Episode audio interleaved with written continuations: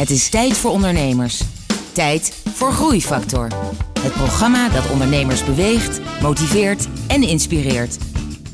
Hier is Kees de Jong, groeiondernemer en verbonden aan NL Groeit. Hoe je je ouders succesvol kunt inzetten bij de snelle groei van je bedrijf. Waarom je micromanagement los moet laten om je bedrijf verder te kunnen laten groeien. En wat gebeurt er als je je medewerkers te weinig complimenten geeft?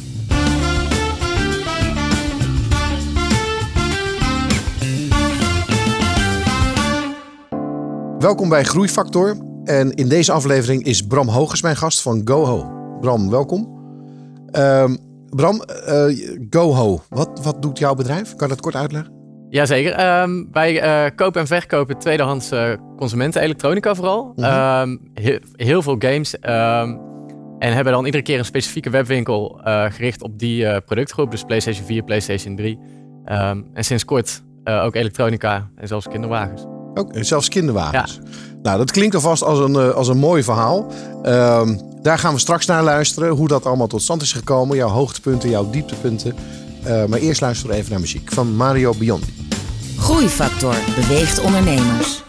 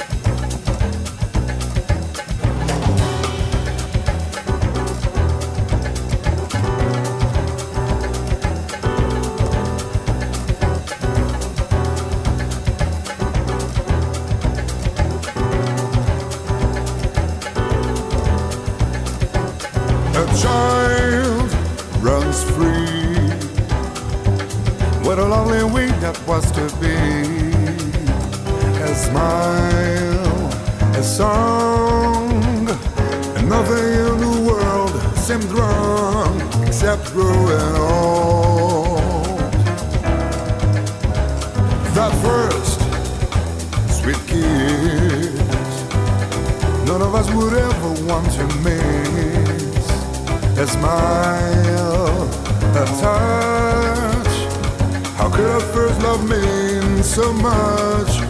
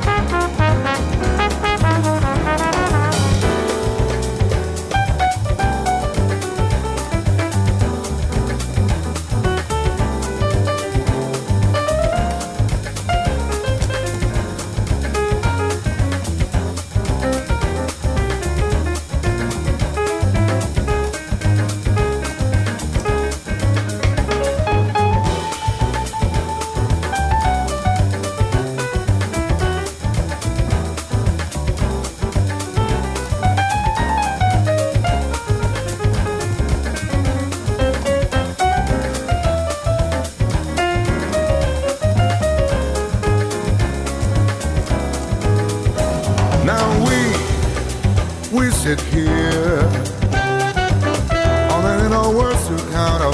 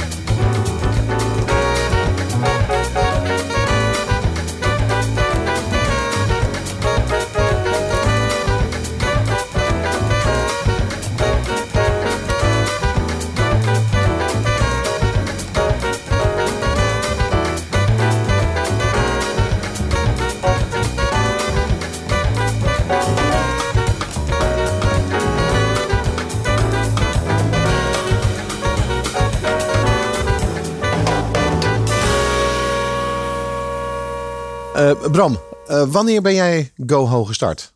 Um, ja, die vraag kan ik op meerdere manieren beantwoorden eigenlijk. Maar eigenlijk begint het allemaal op mijn vijftiende ongeveer. Ja? Uh, toen ben ik... Want hoe oud ben je nu? 28. Oké. Okay. Dus dat is ja, 13 jaar geleden dan. Um, toen ben ik gewoon wat dingetjes gaan kopen en verkopen op Marktplaats. Was toen eigenlijk nog niet zo groot. Um, en dat ben ik een beetje blijven doen uh, naast mijn middelbare school. Mm -hmm. uh, naar Australië gegaan, teruggekomen. En toen ben ik eigenlijk gelijk weer begonnen. En toen heb ik het ook uh, ingeschreven voor KVK. Oké, okay. dus, dat zie je vaak hè, met ondernemers. Dat ze eigenlijk heel jong al beginnen met allerlei soorten handeltjes. Ja. Bedrukte t-shirts en, en, andere dingen. Ja. Komt dat van jouw ouders vandaan? Of?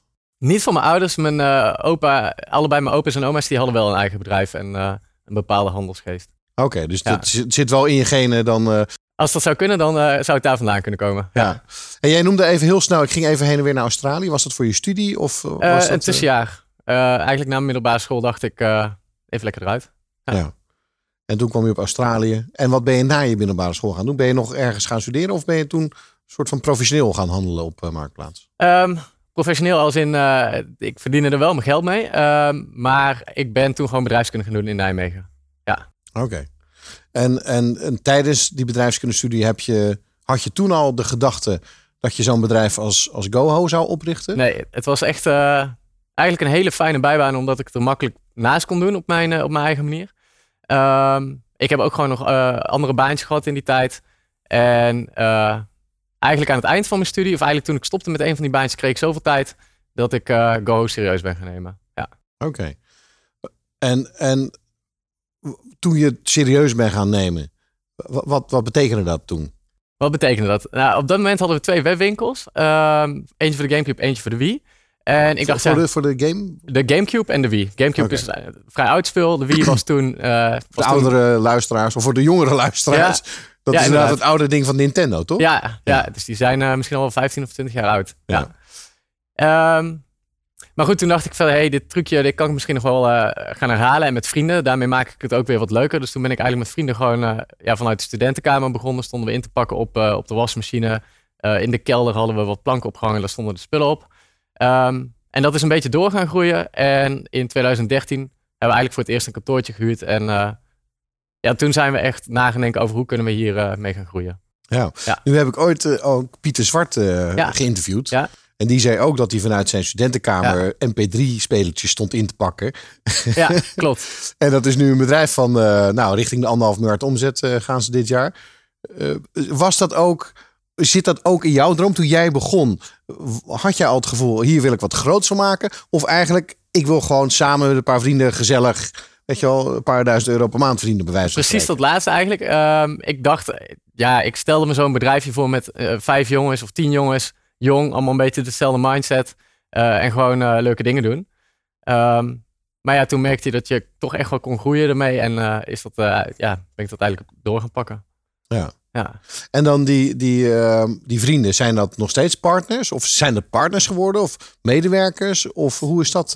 Nee, ehm, het waren allemaal studenten in die tijd. En die hebben zelf uiteindelijk ook een ander plan. En die werkten natuurlijk met part-time. En op een gegeven moment wilde je fulltimers. Eh, dus op dit moment werken mijn ouders nog bij mij. En ehm één ja, mentorkindje heet dat. Dus eh, eigenlijk nog te- een paar mensen maar eh, die ik echt kende van, van, van ja, daarvoor. Oké, maar je zegt een paar hele interessante dingen. Nou, laten we beginnen even met het mentorkindje.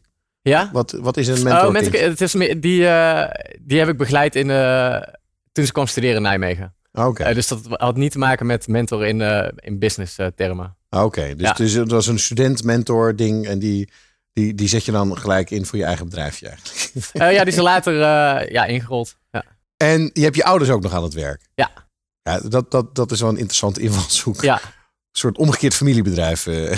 ja, zo kun je het eigenlijk wel zeggen. Want voor de, voor de luisteraar, jouw bedrijf is nu een man of 50, 60 groot. Ja. Dus het is wel een serieus bedrijf. Ehm, dus dus dat in, de, in de tussentijd heb, je- ben je fors gegroeid. Ehm, daar gaan we het allemaal later over hebben. Maar voordat we naar muziek gaan luisteren, wil ik nog even dat je uitlegt hoe dat dan zit met die ouders. Hoe dat zit met die ouders. Ehm, toen ik ging studeren, eh, toen wilde ik wel dat alles een beetje door bleef rollen. Ehm, en toen eh, ja, ben ik mijn moeder eigenlijk gewoon gaan vragen of die kon helpen. En eh, dat is ze gaan doen. En dat heeft best wel goed uitgepakt. Dus terwijl ik aan het studeren was of ander werk aan het doen was, was zij eigenlijk voor GoHo bezig. Ehm, en ja, eigenlijk groeide het op die plek ook al. En is ze eigenlijk steeds meer gaan werken. Mijn vader is gaan helpen. De buren zijn gaan helpen. Ehm, dus dat is allemaal vanuit het ouderlijke huis nog. Eh, terwijl vanaf de PlayStation 2 zijn we het eigenlijk in de, of vanaf de derde webwinkel zeg maar, zijn we het in, de, in Nijmegen gaan doen. In je kantoorpand. Ja, Maar nu rijdt je moeder dan naar jouw kantoorpand om daar... nee, het is, eh, dat slaapkamerverhaal is daar eigenlijk het hele huis geworden. Ja, Hoe, hoe bedoel je? Eh, dat het vol staat met games en kasten en ja.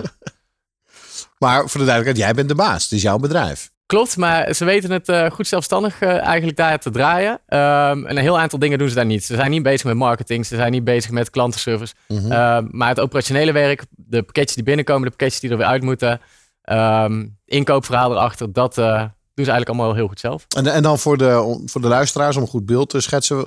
Wat ze dus binnenkrijgen is... één, jullie krijgen bijvoorbeeld een, een oude PlayStation binnen. Hè, die Ja. schroef je open, die kijk je na of die allemaal goed werkt. Schroef je weer dicht. Mooi papiertje eromheen. Sticker erop. Dus daar, komt het ongeveer op neer. Ja, Ja. En dan gaat hij weer eh, goedgekeurd Ja. eh, naar buiten. klopt. En dan eh, tussen wat je binnenkrijgt en wat, je, wat eruit gaat, stop je 100 euro erop. En dan, dat is jullie businessmodel. Ja, die, wij bepalen bijna niet zelf wat er echt opkomt. De prijzen die, ja, die gaan eigenlijk automatisch. Er zitten systeempjes achter om te kijken ja, wat de marktprijs is en daarop in te spelen eigenlijk. Oké. Maar dan toch nog even terug naar je ouders. Want uiteindelijk ja, is er wel een soort van gezagsverhouding. Met andere Ja. woorden, als jouw vader drie keer iets niet goed doet... dan moet iemand, bijvoorbeeld jij, zeggen... eh, zo, eh, Klopt. meneer, meneer Hogers. En misschien, is, het- misschien is het wel een voordeel dat ze op een andere locatie werken, want daardoor zit ik er eh, niet op, als het ware. Ehm, en ja, we, we doen helemaal niet aan functioneringsgesprekken. Er is gewoon goed vertrouwen. En soms zal ik inderdaad een keer zeggen van, goh, ik vind dat het zo moet. En dan doen we het op die manier. Eh, maar er zijn ook wel momenten dat ik denk, ja, als we het op jullie manier doen, eh, op het hele plaatje maakt niet zoveel uit, doen we het op jullie manier. Ja. Ja, dus Heeft, gaat, heeft dat de band met je ouders eh, beïnvloed? Ehm, nee, ik vind het eigenlijk wel leuk dat ik mijn werk zo goed met hun kan delen. Ehm, dus in dat opzicht misschien wel. Maar nee, ik zie ze niet als. Ik zie ze eigenlijk helemaal niet als werknemers of eh, op die manier. Nee.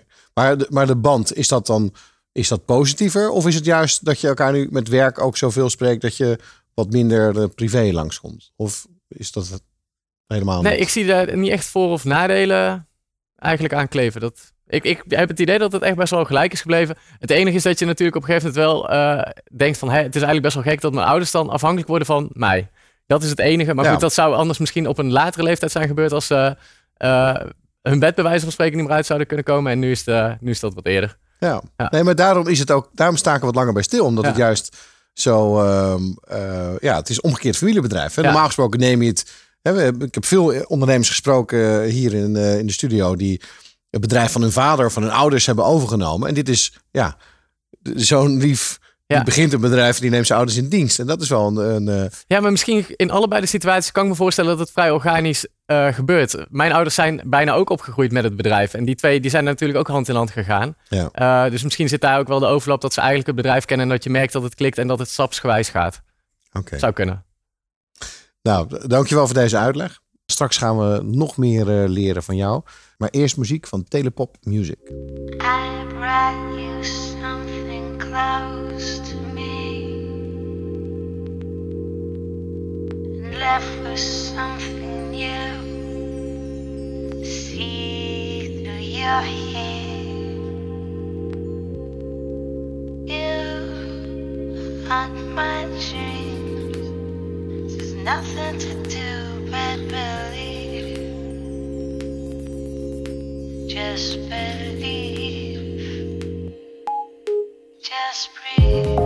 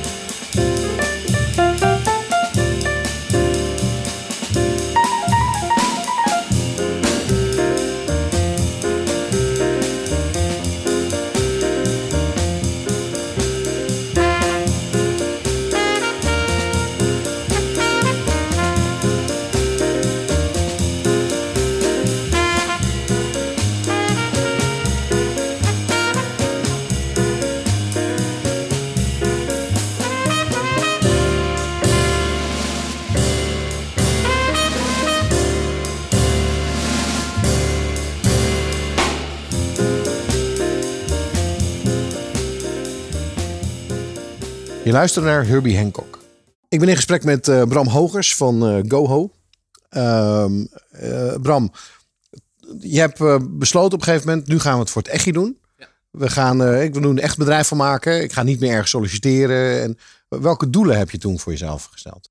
Welke doelen ik toen heb gesteld, dat was eigenlijk een moment dat we de vierde en de vijfde shop gingen openen. Ehm, en dat was denk ik in... En, en, en, en een shop, dat is zeg maar de, de tweedehands PlayStation shop. Of de tweedehands spelletjes shop. Of de Ja. tweedehands... Ja, dus eigenlijk dat we een productgroep gingen toevoegen. Ehm, en op dat moment, volgens mij was het mei, eh, toen hebben we een kantoortje gehuurd. Eh, in die maanden daarvoor zijn we, had ik wat vrienden aangenomen om samen al dingen uit te zoeken. En toen zijn we na gaan denken, wat kunnen we nou in december wegzetten? Wat kunnen we verkopen in die periode?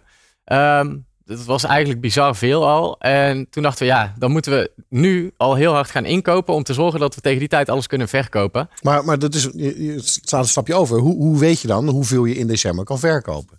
Ehm, ja, dan ga je dus eigenlijk kijken wat je, wat je op dat moment al doet. Ehm, en kijken welke, ja, welke potentie je nog niet benut. Ehm, je, wij kunnen dus niet in één keer een heleboel inkopen, omdat we met een tweedehands markt zitten. Eh, dus we kunnen niet bij de groothandel aankloppen. Ehm, dus je gaat gewoon kijken naar, ja, wat zijn nou de gemiste sales ehm, ten opzichte van bezoekers of eh, de potentie die er is om überhaupt in te kopen. En dan ga je kijken, nou, dan willen we 20% van het marktaandeel willen we pakken. En ehm, daar ga je dan op inspelen. Ja. Eh, kan je iets zeggen over de aantallen? Wat je dan al dacht in het eerste jaar wat je kon doen? Volgens mij was toen over het, de omzet, was het een paar ton? Of was het minder of meer? We- het- jaar dat we een één webshop hadden, toen zaten we op 50.000. Tweede webshop 250.000. En toen het jaar dat we het kantoortje in mei gingen huren, zaten we op 750.000. Ehm, Kan je iets zeggen over wat het ongeveer nu is? vorig jaar zaten we op 3,5 of zo. En nu, ja, dit jaar wil ik naar 4,5, 5. Eh, een miljoen hebben we het Ja, over ja, voor de duidelijkheid. Maar dat, dat is nogal wat als je net bent afgestudeerd. En, en eh, je Ik begint op wat. dat moment eigenlijk nog. Ja. Je is- en, en je hebt eh, een teentje van, eh, van, van een paar van 7,5 ton. Dat, dat, is, dat is wel een soort van serieus eh, ding opeens. Ja. Hoe reageren die eerdere vrienden die bij jou werkten? Dat het opeens zo'n enorme succes Nou, die zaten eh, er dan op dat moment allemaal nog in. Want dat was eigenlijk het, ja, nog niet eens een jaar. Dus dat was het eerste jaar dat we, dat we met z'n allen bezig waren. Ehm, nou ja, ook omdat je die doelen stelt en die, die haal je, is het eigenlijk gewoon de verwachting die je waarmaakt. Ondanks dat die verwachting misschien wel eh, eh, gedurfd is. eh, je maakt gewoon waar wat je plant, eigenlijk. Ja. Ja. Het, het, het klinkt een beetje alsof het inderdaad wel een soort van bedrijfskundige aanpak was ook. Dat je ook, je voorspelde het, je ging terugrekenen naar wat je moest doen. Ja. Moet ik zoveel inkopen? Ehm, wat, is nou, wat is nou het belangrijkste geheim van dat succes in het begin geweest? Wat, zat het bij de inkoop? Zat het bij het, bij het calculeren? Zat het bij de, bij de activiteit op je, Nou, je eigen en- webshops? Toch wel een realistische planning inderdaad maken. Eh, je mensen meekrijgen, motiveren. Want je moet ze wel motiveren eh, om iets te doen wat ze nog eigenlijk niet voor zich kunnen zien, als het ware. De- of ja, dat, je moet zorgen dat ze het eh, voor zich zien. Ehm, ja, ik had één jongen op dat moment waar ik het, eh, het meest mee samenwerkte. Eh, maandelijks echt goed vergaderen. Overal toezicht op houden. Eh, dus elk mailtje belandde ook zeg maar, in mijn mailbox overzicht als het ware. Eh, geen gevaarlijke aannames doen. Eigenlijk geen aannames doen, want iedere aanname is gevaarlijk. Het, het klinkt wel een beetje als hè, wat je moet doen als je een bedrijf gaat starten en managen. Maar jij noemde net, eh, ik moest mijn mensen motiveren. Ja. Ik moest dingen in de gaten houden. Ik moest controles, ik moest procedures. Maar je had het nog nooit gedaan.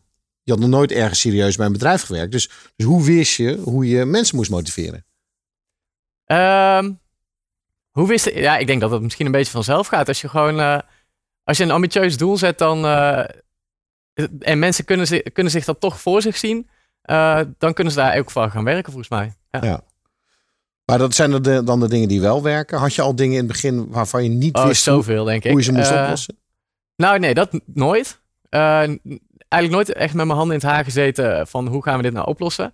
Ehm, ik weet niet waar, wanneer dat precies is ontstaan, maar we hanteren nu ook COV. Eh, constateren, oplossen en voorkomen. Ehm, alles wat er bij ons gebeurt, ehm, waarvan we denken, hey, dit, dit is of kost te veel tijd, of hier wil ik eigenlijk niet nog een keer over nadenken. Ehm schrijven op, je maakt gelijk een oplossing, want het moet op dat moment opgelost worden. En je denkt gelijk na over hoe je er nooit meer over na hoeft te denken. Ja. Oké, dit eh, de, de hele kleine dingetje, eh, wat je nu zegt, is een extreem belangrijk ding. ja, Bij heel veel bedrijven Eh, en heel veel bedrijven hebben dit nog niet onder controle. Dus ik wil dit even uitlichten voor, voor, voor de luisteraars ook.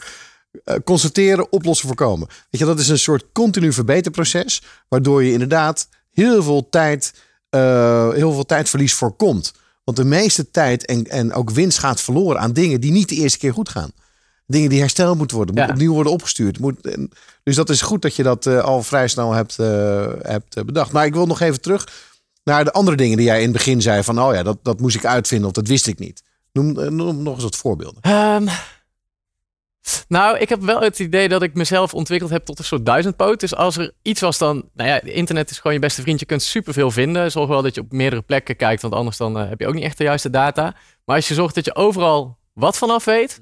Dan, eh, ja, dan kom je best wel Maar geef eens een voorbeeld dan, waar, waar je naar zoeken. Contracten, eh, dus eigenlijk genoeg juridische dingen. Je moet verzekeringen uit gaan zoeken. Je bent echt heel veel dingen aan het regelen waar je eigenlijk helemaal geen zin in hebt. Ja. Ehm, dus dat zijn vooral de dingen die naar mijn gevoel, dat was echt uitzoekwerk. En de rest is gewoon iedere keer maar iets doen. Je moet ook gewoon iets doen. En als het niet lukt, dan probeer je weer iets. Ja, ja. Her- herkenbaar Ja. overigens. Ehm, had je wel het gevoel, want dat is best wel een, eh, een tijdje geleden. Dat is een jaar of tien geleden nu. Eh, nee, waar ik het nu over heb is 2013. Oké, dus vijf jaar geleden. jaar of, jaar of vijf geleden. Dus je, 2008 ben je dan hè, in het begin eh, begonnen. Ben je dan zeg maar... En dan Naast vanaf, studie gaan doen. vanaf Ja. 2013 ben je het voor het echi eh, Ja. gaan doen. Ja. Dan ben je vanaf 2013 tot en met 2018 eh, naar 50, 60 man ben je snel gegroeid. Klopt. En, en met, met snelle groei gaan altijd eh, groeipijnen eh, gepaard. Eigenlijk een jaar geleden ging het best wel slecht. Ja. Eh, het was niet echt duidelijk waar het aan lag, vond ik. Ehm, maar er zijn eigenlijk iedere keer momenten, ieder jaar heb ik het wel weer een keer, dat ik mensen nog meer vrijheid wil geven en mezelf nog losser wil maken van het bedrijf. Ja. Ehm, en ik wil dat het zo snel gebeurt, dat kan eigenlijk gewoon niet. En dan gaan er iedere keer dingen fout, want dan zit ik toch iets minder goed op bepaalde punten. Ehm, maar vorig jaar is, ja, toen heb ik eigenlijk gezegd, oké, nu gaan we het even op mijn manier doen en daarna mogen, je, daarna mogen jullie weer.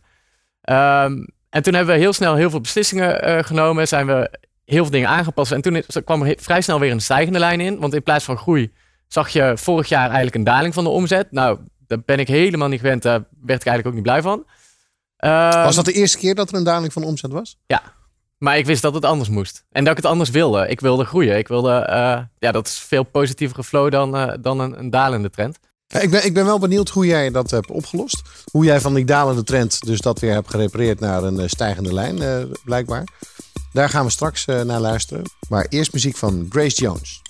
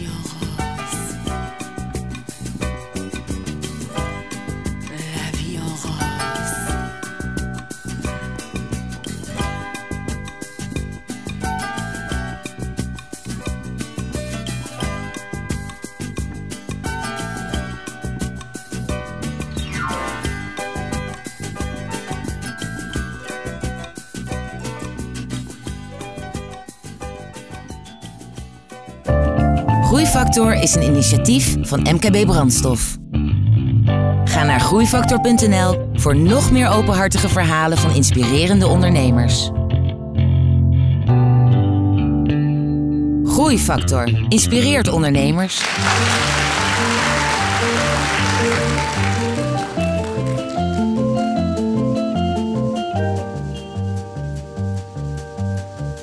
Quand on partait de bon matin, quand on partait sur les chemins à bicyclette, nous étions quelques bons copains. Il y avait Fernand, il y avait Firmin, il y avait Francis et Sébastien, et puis Paulette. Nous étions tous amoureux d'elle, on se sentait pousser les ailes à bicyclette. Sur les petits chemins de terre, on a souvent vécu l'enfer pour ne pas mettre pied à terre devant Paulette. Faut dire qu'elle y mettait du cœur, c'était la fille du facteur à bicyclette. Et depuis qu'elle avait huit ans, elle avait fait en le suivant tous les chemins environnants à bicyclette. Quand on approchait la rivière, on déposait dans les fougères nos bicyclettes. Puis on se roulait dans les champs, faisant naître un bouquet changeant de sauterelles, de papillons et de rainettes. Le soleil à l'horizon profilait sur tous les buissons. Nos silhouettes. On revenait fourbu content, le cœur un peu vague pourtant de n'être pas seul un instant avec Paulette. Prendre furtivement sa main, oublier un peu les copains, la bicyclette. On se disait c'est pour demain, j'oserai, j'oserai demain, quand on ira sur les chemins à bicyclette.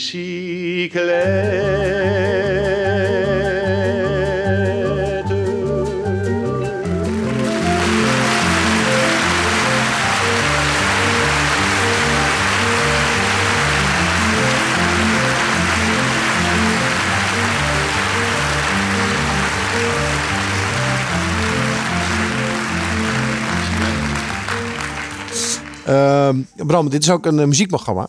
Dus we luisteren tussendoor ook eh, naar, eh, naar muziek, zoals, we, zoals je hebt gehoord. Heb jij iets met muziek? Vrij weinig. Ik ben blij dat Spotify lijstjes maakt op basis van artiesten die je interessant vindt. Mhm. Dus dat, dat doen ze goed. Dan hoef ik er niet al te veel mee bezig te zijn. Dus, dus jij luistert naar jouw daily list en dan, Dat- ja. dan is het al snel goed. ja, of een artiest en dan zet je artiestradio aan en dan komt er prima flow voorbij. En als je moet kiezen, welke artiesten zitten dan in jouw eh, set, in jouw Welke lijst? ik vaak aanzet? eh Stella Sue, eh, Kraantje Papi. ja, dat is redelijk divers. Maar, en, en nog wat kleinere bandjes die ik dan wel eens op een festival heb gezien. Oké, dus je Ja. bent wel festivalganger. Ja, ja zeker. Oké, maar dan, dan, dan heb je dat toch ook met muziek, of niet? Of, of ga je meer voor het bier en... Nou, de sfeer, sfeer. en de muziek en, en met vrienden zijn. Ja. ja, grappig. En welk, wat is jouw festival van voorkeur? Festival van voorkeur. eh Best Kept Secret vind ik erg leuk. Eh, binnenkort gaan we naar Down the Rabbit Hole. Eh, of gewoon kleine eendaagse festivals met techno is ook gewoon ja, al, van alles een beetje. Oké. Ja. Nou, ik, we hebben je ook gevraagd om na te denken om eh, een nummer uit te zoeken voor vandaag. Ja. Om hier te spelen. Wat, wat heb je uitgezocht? Ehm, ja, hij moest funky, cool, sexy-achtig zijn. Dus daar ben het ik, concept eh, van het programma Ja, precies. Dus ja. daar ben ik even over nagedenken. Toen kwam ik... als ik ga hardlopen, dan staat eigenlijk altijd Stevie Wonder ertussen met eh, Superstition. Ehm, dus vandaar dat eh, dat nummer eh, het is geworden. Oké. Gaan we nu naar luisteren.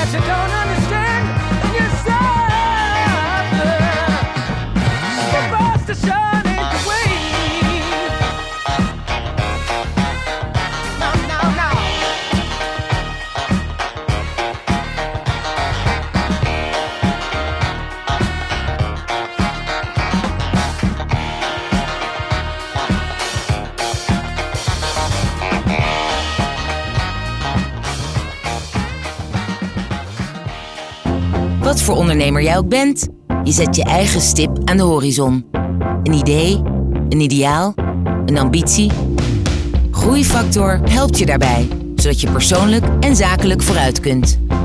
Groeifactor beweegt ondernemers. In your message you you were going to bed, but I'm not done with the night. So I stayed up and in my head me mixed up, so I turned out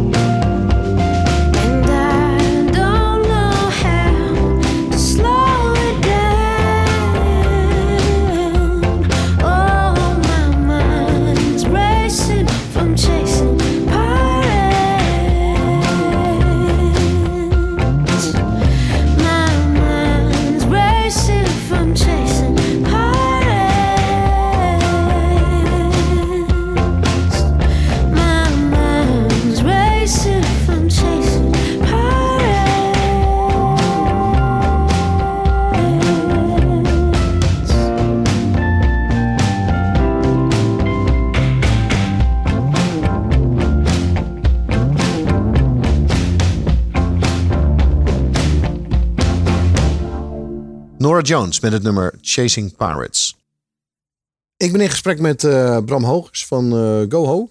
Bram, jij legde net uit ehm, dat je vier tot zes weken zag dat je omzet eh, stagneerde. En toen heb je een aantal maatregelen genomen. Ja. Ehm, toen ben ik na gaan denken over hoe ik dan toch kon zorgen dat die organisatie zichzelf ging sturen in plaats van dat ik hem moest sturen. Dus mijn constatering was, shit, de organisatie heeft mij nodig voor sturing, oplossing. Eh, op dat moment ga ik het zelf maar even doen. Ehm, en voorkomen was, ik moet systemen creëren waardoor die sturing in het bedrijf komt te zitten zonder dat ik het hoef te vertellen.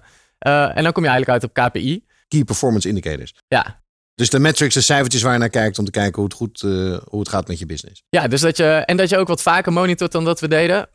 In plaats van dat we er maar vanuit gingen dat het goed kwam, zijn we ook gaan kijken of de dingen die we inplanden, of die ook ja, werkelijkheid werden.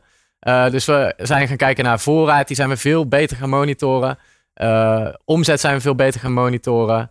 Ehm, maar ook simpele dingen als bij ons is het gewoon, we hebben een hele workload aan kratjes met, die vol zitten met spullen. Als dat op een gegeven moment begint op te stapelen, dan ja, raken producten uit het zicht die eigenlijk een snelle doorstroom moeten hebben. Dus ook hele banale KPI's hebben we eh, met betrekking tot hoeveel kratten ergens mogen staan. Ehm, en op die manier is langzaam iedereen ja, ook bewust geworden van wat belangrijk was. Want dat geef je eigenlijk ook aan met die KPI. En ja, is het bedrijf zichzelf veel beter gaan besturen. Ja. Ja. Ehm, veel luister, of luisteraars kennen dat misschien ook, maar er is een groeifasemodel. Hè, waarin je als bedrijf maak je bepaalde fases mee. En dan in, eh, tot een aan de man of macht maakt het niet uit. Maar van 8 tot 25 heb je een fase, van 25 tot 50 en eh, na 50. Daar zit jij nu inmiddels ehm, wel. En in ieder fase van je bedrijf eh, moet je als, als, als ondernemer, als leider, moet je ook steeds wat anders doen. Heb jij dat ook zo ervaren? Dat je met 10 man, eh, dat je nu met 50, 60 man heel wat anders moet doen dan, dan met 10 man? Heb je die fase ervaren? Ja, je hebt, dan heb je bijvoorbeeld fases waarin je een managementteam gaat aanstellen. Maar het gekke is denk ik dat wij dat bijna aan het bijna aan het begin een soort van al hadden. Ik had gelijk mijn rechterhand. Dus, eh, en die zijn we steeds gaan uitbreiden. Dus zo hadden we eigenlijk steeds een managementteam en een klein, klein clubje eronder. Ehm, en daardoor hebben we niet dat typische moment gehad dat je ineens een managementteam eh, gaat aanstellen, denk ik. En voor de rest ja, liepen die fases denk ik best wel snel in elkaar over, waardoor eh, we het ook niet zozeer als fases hebben ervaren, maar best wel toch organisch. Ja, dat, dat denk ik dat je op dat moment het ervaart als ja. organisch. Maar het voorbeeld wat jij net gaf over. Er was een noodzaak om de boel te professionaliseren, om het Ja. systeem. Weet je, dat is het organisch, maar dat is wel wat er in ieder bedrijf Een keer eh, gebeurd. gebeurt. En doe je dat niet, dan, dan blijft je bedrijf ongeveer zo groot, omdat het systeem zich niet aanpast. Dus Ja. in het begin eh, moest je dus, eh, was je echt aan het micromanagen. Ja, En Je wilde op heel veel mailtjes worden gekopieerd en je wilde er bovenop zitten. ja. Eh, en eh, Nou, dat, wel, dat kan je niet blijven volhouden. Ja, de mailtjes hoeven ze niet te kopiëren, die kwamen automatisch in mijn inbox natuurlijk. Ja. Ehm, maar ehm, nee, op een gegeven moment moet je gewoon eh, ook los gaan laten. En dan hebben de mensen ook de ervaring die ervoor nodig is om, om dat te doen. Ehm, eh, maar je, ja, nu ben ik veel meer bezig met het managementteam. En eigenlijk kom ik daar ook weer alweer een beetje los van. En probeer ik weer verder te kijken naar wat GoHo buiten GoHo kan doen. Of hoe GoHo zich opnieuw kan definiëren. Eh, of wat ik buiten GoHo kan doen. Ehm, en mijn rol wordt dan ja, inderdaad meer letten op het feit dat er overal de juiste mensen zijn. Ehm, en die in- inderdaad inspireren of eh, motiveren of die eh, zo goed mogelijk aan de slag houden. Ja. En jouw managementteam, die, die runnen dan de, de, de going business. Ja. Ja. We praten zo verder. Eerst muziek van de Temptations.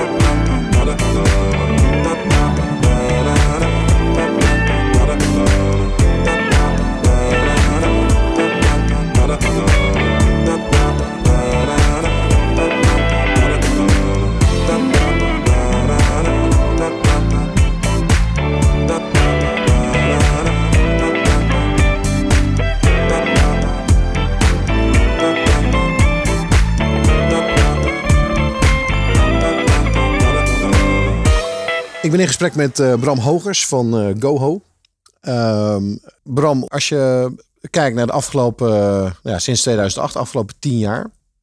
Hoe kijk jij dan terug op de, op de moeilijke tijd, op de dieptepunten van je bedrijf? Wat zou je dan doen? Nou, ik heb wel, ik heb wel een paar, paar dingen die, die, waar, waar ik tegenaan ben gelopen. Ik heb heel lang eigenlijk iemand gewil, naast me gewild, of misschien wel boven me. Het is ook gewoon ontzettend fijn als iemand tegen je zegt: Yo, dit doe je niet goed. Eh, ga het maar zo doen. En dat het een keer werkt of niet. Of dat je gewoon een keer eh, dat soort feedback krijgt. Die vroeg ik wel aan het personeel. eh, maar dat durfden ze toch niet. Of er kwam toch vrij weinig van dat soort feedback waar ik iets mee kon. Ehm, dus dat, maar dat heb ik inmiddels wel een beetje los kunnen laten. Maar iemand boven je, dat vind ik wel grappig dat je dat zegt. Want dat hoor ik niet zoveel. Dus dat je toch wel iemand... Maar was het dan meer een soort van commissaris of adviseur? Of wat voor soort... Nou ja, je bent natuurlijk echt wel eindverantwoordelijke. Eh ergens zou het lekker zijn soms om die verantwoordelijkheid niet te hebben. Dat, dat zou je al bijvoorbeeld hebben met iemand Mhm. boven je. Eh, of gewoon iemand naast je, dat je het gewoon echt één op één kunt delen. Ja, partner? Ja, eh, dus daar ben ik ook wel mee bezig geweest. Dus ik heb die jongens op een gegeven moment ook wel aangeboden van... Goh, wil je aandelen of zo? Maar ja, die wilden dan toch een normale baan in eerste instantie. Ehm, dus dat, dat is in principe dan niet gelukt. Ehm, nu ben ik eigenlijk opnieuw aan het nadenken van... Goh, wat wil ik nou? Ja. Ehm, en op dit moment wil ik eigenlijk kijken of ik GoHo anders kan definiëren. Want ik vind het ook wel leuk om dat trucje wat we een paar keer hebben gedaan... om daar iets anders van te maken. En natuurlijk zitten wij in een... duur- ja, eigenlijk zit er een soort duurzame ondergrond in mij. Eh, ik vind het al pijnlijk als ik iets bij het restafval moet gooien. Ja. Eh, dus daarom ben ik ook blij dat we dat tweedehands zo goed mogelijk in de markt kunnen zetten. Ja, want je verbetert ook de wereld een beetje. Maar ik kan me zelfs dus voorstellen, hè, je, je hebt met jouw concept, je zorgt dat eh, apparaten en, en, en games en alles een tweede leven krijgen. Ja. Eh, zoals ze bij Coolblue zeggen, een tweede kans. Ja, Eh, dus dat is in principe goed. Hè? Ja. Het gaat niet per se naar de kringloop Wimco, maar het wordt gecheckt en het wordt. ehm, en daarmee maak je de wereld een stukje beter. ja. Maar waarom dan niet nog beter? Waarom dan niet nog meer invloed en nog meer, eh, dan wel in andere landen of in Duitsland? Of Ja. waarom alleen dan in... Het buitenland trekt me niet, maar het trekt me wel om andere, andere concepten te pakken, te tackelen, eh, businessmodellen op te zetten waarmee we eh, ook hergebruik kunnen stimuleren. Eh, en er zijn natuurlijk een heleboel mooie concepten. eh, maar dit inzicht had ik eigenlijk pas sinds kort toen ik weer met de mentor had gezeten. Ja. Ehm, en nu wil ik eigenlijk na gaan denken van, goh, hoe kunnen we gewoon de vraag hergebruik stimuleren? Hoe kunnen we daar iets mee gaan doen? En er zijn natuurlijk een heleboel, Peerby heb je natuurlijk. Je hebt concepten waarin je dingen leest in plaats van koopt.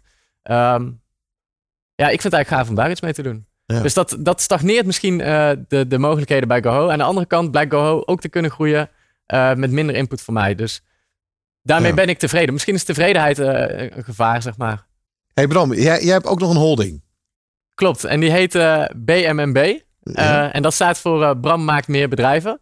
Ehm, dus daarin hoor je eigenlijk ook wel terug dat ik, dat ik verder wil kijken dan, eh, dan hoe GoHo er nu uitziet. Ja. Ja. En, en, en hoeveel is meer bedrijven dan? Wat is dan uiteindelijk... eh, Meer Nou, is niet gekwantificeerd. Dus anders had het eh, Bram he- maakt tien bedrijven geheten.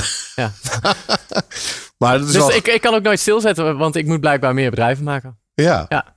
Maar dat is grappig dat je dat al, al voorneemt, dat dat zeg maar het, het proces is. Dus er zit een soort energiebronnetje in jou, die, die is wel heel erg actief. Ja. ja, en het is ook gewoon leuk om divers bezig te blijven. Dus als je het dan over Pieter Zwart hebt en eh, die, ja, die de, ik mag eigenlijk niks negatiefs over hem zeggen. Eh, maar die heeft natuurlijk een geweldig bedrijf en die is nu diverse dingen aan het doen naast het bedrijf met, leveren op de fiets en zo. Eh, maar ik zou het nog wel vet vinden om ook echt nog, nog verder erbuiten te kijken dan, dan Ja. bijvoorbeeld e-commerce. Ja. Maar bijvoorbeeld ook dan een restaurant en een garagebedrijf en een bibliotheek. Zou je dat soort dingen willen? Of, of het moet allemaal wel met het verbeteren van de wereld eh, te maken hebben? Eh, dat laatste wel, maar ik Ja. ben eh, al aan het kijken met een hamburgerrestaurant in Nijmegen of we daar ook een duurzaam eh, groeiconcept achter Mhm. kunnen zetten.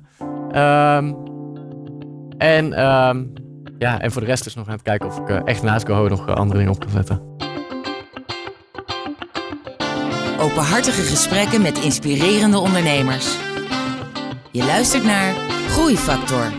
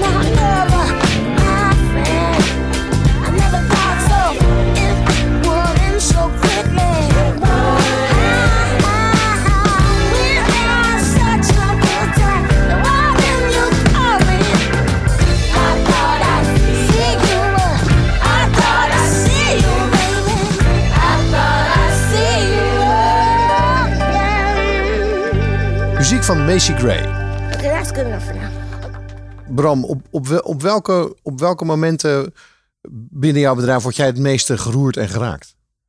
Ehm, dat zijn eigenlijk de momenten waarop er feedback vanuit het personeel komt. Ehm, en ehm, ik heb ook wel een paar keer een speech gehad ro- rondom januari. Dat ik met tranen stond. Omdat ik gewoon zo blij was op het team en wat we allemaal bereikt hadden. Eh, ondanks dat eh de momenten waren die inderdaad wat minder waren. Maar wat we vaak horen is dat mensen toch eh, waardering missen. Eh, dus een van de dingen die eh, bij mij typisch zijn, ik kijk echt bijna alleen maar vooruit. Ehm, en als er iets goed is gegaan, dan is dat vaak in het verleden gebeurd. Daar moet je ook even bij stilstaan. Dan moet je een complimentje geven.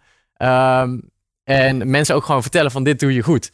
En daar ook aandacht aan geven. Want door, door die COV ben je heel erg bezig met oplossen, voorkomen. Ja. Ehm, en wat minder met, met alles wat goed gaat. En, en hoe doe je dat nu? Hoe heb je dat geleerd? Doe, dat je dat, doe je dat wel voldoende eigenlijk nog? Ehm, of ik het voldoen? Ik denk dat personeel. Ik ben bang dat personeel eh, dat nog steeds vindt. Maar we hebben wel systemen gecreëerd. Systemen gecreëerd om dat beter te doen. Dus ik heb elke dag een mailtje waarin ik erbij stilsta. We hebben schermen in het eh, kantoor hangen waarop iedereen een persoonlijk profiel heeft. Waarop mensen eh, complimentjes krijgen. Dus als ze iets goed hebben gedaan, krijgen ze een face-to-face. Maar hij wordt ook in het systeem gezet. Er komt een badge bij, dus bij welke kernwaarde dat hij hoort. En zo bouwt iemand een soort positief profiel op. Oké, dus ook het complimentjes geven. Is zit in het systeem verwerkt Denk jij niet dat, Ja. dat die mensen toch iets anders vragen dan een systematische oplossing? Denk je niet dat die mensen inderdaad gewoon een beetje tijd willen van Bram?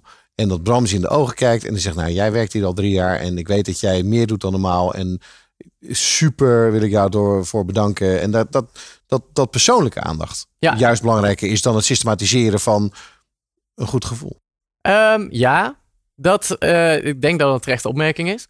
Ehm, en probeer ik ook, maar dat zal ik eh, waarschijnlijk niet genoeg doen. Oké, dan, dan als laatste wil ik het hebben over, de, eh, over je toekomst en je toekomstbeeld. Je noemde net al internationaliseren, dat, dat zie je niet zitten, maar je wil wel verbreden qua producten. Als je een korte organisatie kan beschrijven over vijf jaar, hoe ziet het er dan uit? Over vijf jaar, hoe ik hem leuk zou vinden, is als we inderdaad nog wat productgroepen zouden hebben toegevoegd. ook niet elektronisch. Ehm, daarmee wordt het echt weer een nieuw spel, als het ware. Plus dat we eh, eigenlijk onder de noemen van GoHo niet per se nog webwinkels openen, maar andere duurzame concepten waarbij we proberen hergebruik te stimuleren. Oké. En, en, en wat voor concepten zouden het dan zijn? Eh, nou, deze vraag stel ik mezelf pas een week. Dus die vind ik echt heel moeilijk om, eh, om te beantwoorden. Ja. Oké, oké. Maar dus je wil voornamelijk inderdaad het verbeteren van de wereld en, en, het, en het stimuleren van hergebruik. Dat zijn de belangrijkste thema's waarop je verder wil. En niet zeg maar het groot internationaliseren wereldwijd. Dat, Nee, dat internationaal zit zit er, eh, die, die drive heb ik persoonlijk niet. Mocht er op de een of andere manier een, stel er komt een bedrijf naar me toe en die zegt van, goh, als we het samen gaan doen, dan lukt het. En ehm, dan zou ik zelf niet de kar hoeven te trekken voor het eh, buitenland, maar wel eh, erbij betrokken zijn. Mhm. Nou, dat zou ik nog wel interessant vinden. We, we lopen aan het eind van het, eh, van het gesprek en dan proberen we altijd de, de inzichten een beetje op een rijtje te zetten. Dan de, de, de lessen voor andere ondernemers. Nou, één ding heb je al heel duidelijk genoemd in, in het begin. Eh, Een soort systematische aanpak om jezelf continu te verbeteren. Dat was de, de COV. Ja. Eh, constateren, oplossen en voorkomen. Welke andere inzicht heb jij de afgelopen tien jaar opgedaan waarmee je andere ondernemers kunt helpen? Ehm, stel, stel duidelijke doelen voor, voor over een jaar. Plan die terug, hak ze in, eh, in kleine stukjes en eh, ja, tot zover dat je weet wat je vandaag moet doen. Eh, zorg dat je mensen kunt motiveren. Dus je moet gewoon een duidelijk beeld schetsen van iets wat er op dit moment nog niet is. En zorgen dat mensen dat beeld ook voor zich zien en kunnen gaan voelen en weten waar ze het voor doen. Heb je dit ergens geleerd? Of wat je nu zegt? Of heb je dit uit... uit ik het- lees uit nooit. het- Uit de- nee, ik lees nooit boeken over ondernemersverhalen, dat soort dingen niet. Oké. Ehm, Maar grappig, grappig dat je inderdaad niet, niet, niet leest. Want heel veel dingen die je doet. En dat is dan wel zeg maar iets. eh, nee, je hebt er tien jaar over gedaan. Maar, maar je had het ook in vier jaar kunnen doen. ja, Als je de dingen had toegepast die, je- die je kan leren. En het- het- je, je, je zou veel baat hebben aan een mentor. Of aan het leren van de dingen die andere ondernemers ook al hebben geleerd. Want Ja. je doet het eigenlijk allemaal zelf. Ja, Maar- omdat je dan, eh, je, je weet ook niet of je het goed doet. Dus die positieve feedback die mijn personeel misschien mist, daar heb ik ook geen voorbeeld in. Eh, Ik krijg hem ook niet. Eh, maar die zou, als iemand vertelt, ja, inderdaad, eh, dat is de goede koers, dan ga je er misschien nog harder voor op die manier. Maar weet je wat wel grappig is, is mijn eerste mentor was Pieter van Os. Ah, Dus daar heb ik twee keer mee gezeten. En er waren wel ook hele motiverende gesprekken. en was dat via Enel Groeit? Of Ja, was dat... ja. Oké. Superleuk. Nog een laatste? Nog een laatste. Ehm, wat zou nog een laatste tip zijn? Nou, misschien een tip die ik nou vandaag... eh, zorg ook eh, dat je misschien beter stilstaat bij de dingen die je nog niet goed doet.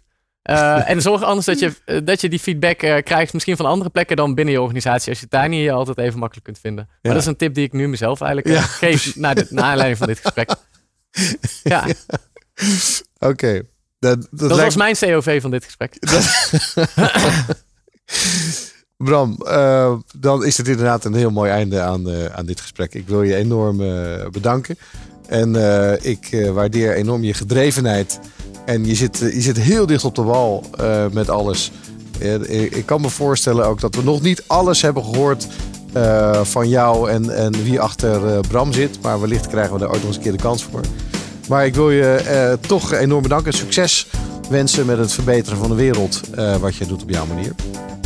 En voor de luisteraars, je luistert naar Groeifactor. Graag tot de volgende uitzending. Groeifactor is een initiatief van MKB Brandstof. Ga naar groeifactor.nl voor nog meer inspirerende verhalen van mede-ondernemers. Groeifactor beweegt ondernemers.